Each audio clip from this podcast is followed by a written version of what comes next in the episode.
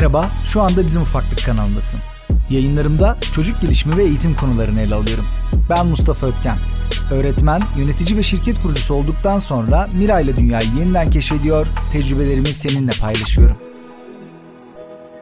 Bizim Ufaklık yayınlarının üçüncüsüne hoş geldin. Bu bölümde çocuk sahibi olmadan önce ve sonra hissettiklerimi paylaşacağım. Bu sürecin her adımında birçok duygusal zorlukla karşılaştım.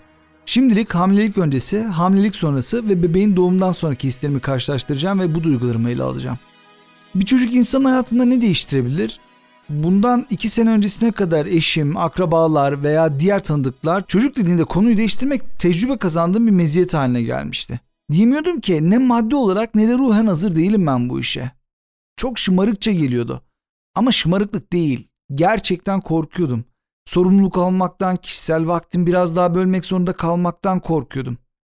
Ama en çok da başarısız olmaktan korkuyordum. Baba olmaktan korkuyordum. Çocuğumun iyi bir çocuk olamamasından korkuyordum. Hatta belki hiç baba olamayacağımdan korkuyordum.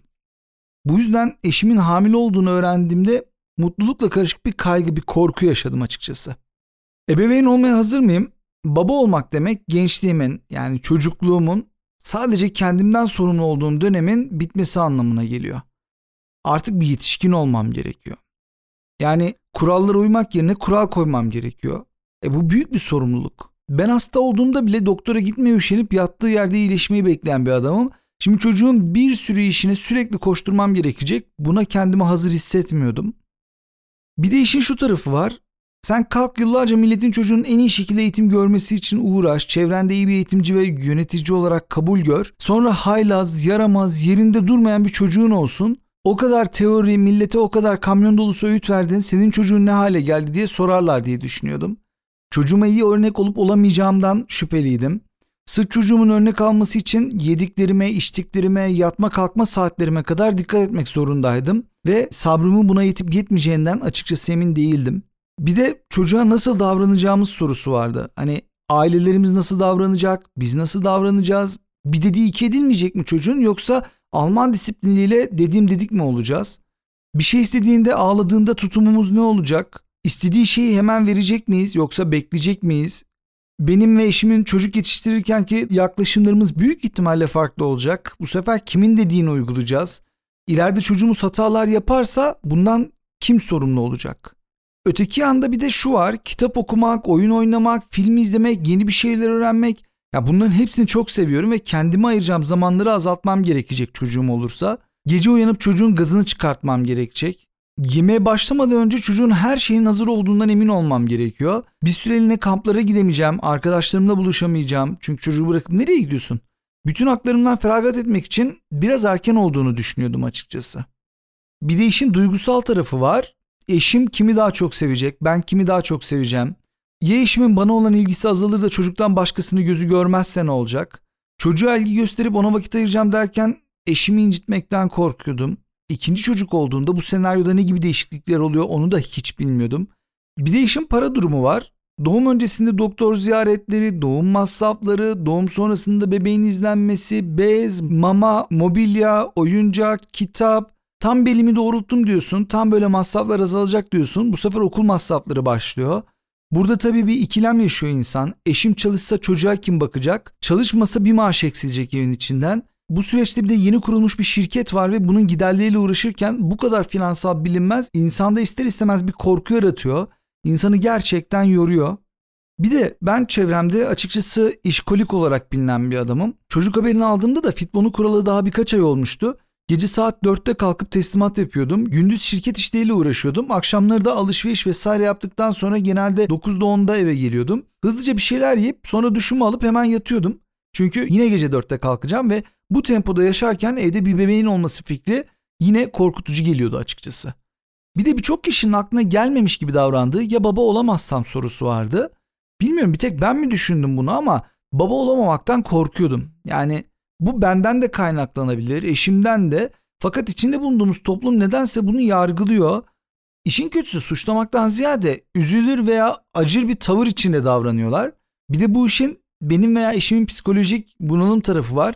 Düşünüyorum da çocuk yapmak istediğimde hiç çocuğum olmayacağını öğrenirsem veya çocuğumuz düşük olursa Bu tür durumlarda yaşayacağım hislere de hazır olup olmadığımı açıkçası bilmiyordum, sorguluyordum bu durumu.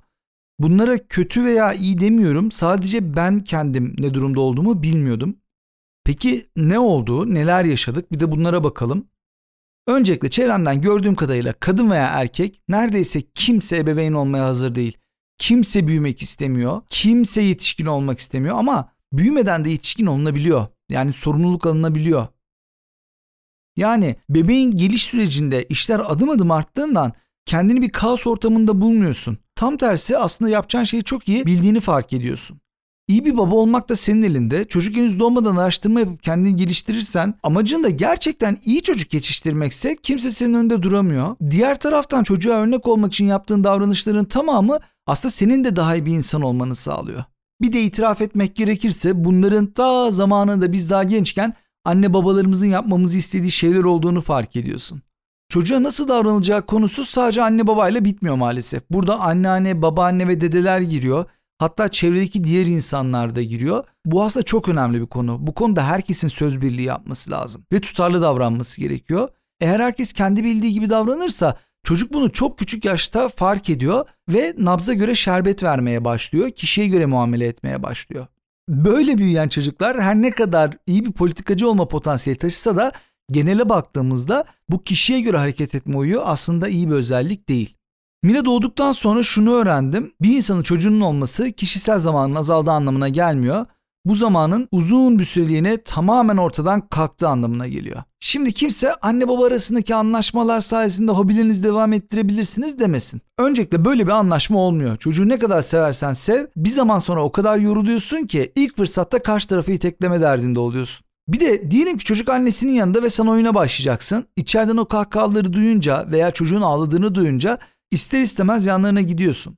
Zaten çocuk yanındayken bile özlüyorsun. Şöyle özetleyebilirim. Daha önce günde ortalama 2-3 saat açık kalan PlayStation Mine doğduktan sonra 1,5 sene boyunca hiç dokunulmadı. Hiç açmadım.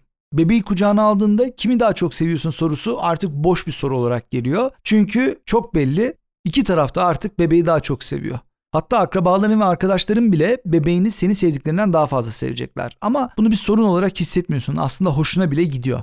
Finansal olarak kendini hazır hissetmiyorsan yapacak bir şey yok. Çünkü bebek daha doğum öncesi kontrolleriyle beraber masrafın kapısını açıyor. Doğumu özel hastanede yapmak da ayrı bir maddi yük. Bununla ilgili çeşitli sigorta sistemleri var. Çocuk doğmadan bir sene önce başlaması kaydıyla primler yatırıyorsun. Sonra masraflarını sigorta karşılıyor. Ama burada tabii çocuğun ne zaman doğacağını bilemediğin için birkaç yıl boyunca bu masrafları yatırıyorsun. Hatta bir arkadaşım 3 yıl boyunca bu sigortayı ödeyip sonra çocuğunun olmayacağını düşünüp vazgeçti. Daha sonra da sürpriz bir şekilde hamile kaldı. Ama bu arada primleri yatırmayı bırakmıştı. Dolayısıyla sigorta bu masrafları ödemedi. Bunun bir garantisi yok maalesef. Bunun dışında doğum sonrası kontroller, aşılar, testler, daha ilk günden bir bebek mağazasına gidip süt sağma makinesi, hava nemlendirici, süt ısıtma makinesi, anne çantası, mendiller, battaniyeler, kıyafetler, bez, küvet, özel şampuan, kremler bir sürü şey almak zorundasın ve bu büyük bir gider listesi. Ben olsam bunların hiçbirini önceden almam. Gerektikçe gidip alırım. Bunun dışında çocuğuma ikinci elde malzeme alırım. Pişman olacak bir durum değil ama ne olursa olsun yine de masraflı olacak. Şimdi bu durumda biraz daha fazla çalışırım, ek mesai yaparım, ikinci bir iş yaparım, biraz daha fazla kazanırım diyorsan da yanılıyorsun. Çünkü iş bitse mesai bitse de bir an önce çocuğumun yanına dönüp onu biraz daha koklasam diye düşünüyorsun. Çocuğun yanında olmadığın her an sana bir ceza gibi geliyor. Bir de gece boyunca 4-5 defa uyanan bebeğin gazını çıkartman gerekecek. Yorgun uyanacaksın. Dolayısıyla da fazladan iş yapma şansın oldukça düşük olacak. Yapabiliyorsan süper. Peki baba olamazsam korkusu aslında bu korku yersiz. Çocuk olmuyorsa olmuyor. Bazen sağlık durumundan ötürü kalıcı olarak çocuk sahibi olamıyorsun. Bazı durumda da çift istese dahi aylarca bazen yıllarca çocuk sahibi olamıyorlar. Az önce bahsettiğim örnekteki gibi. Bunda utanılacak veya üzülecek hiçbir şey yok. Çevreden gelen telkin ve espriyle karışık takılmaları da bence hiç aldırma. Çünkü onlar aslında senin ne hissettiğini çoğu zaman bilmiyor. Senin iyiliğini düşündüklerini sanıyorlar. Sen de benim yaptığım gibi belki de şakayla karışık cevap ver. Belki istemediğini söyleyebilirsin.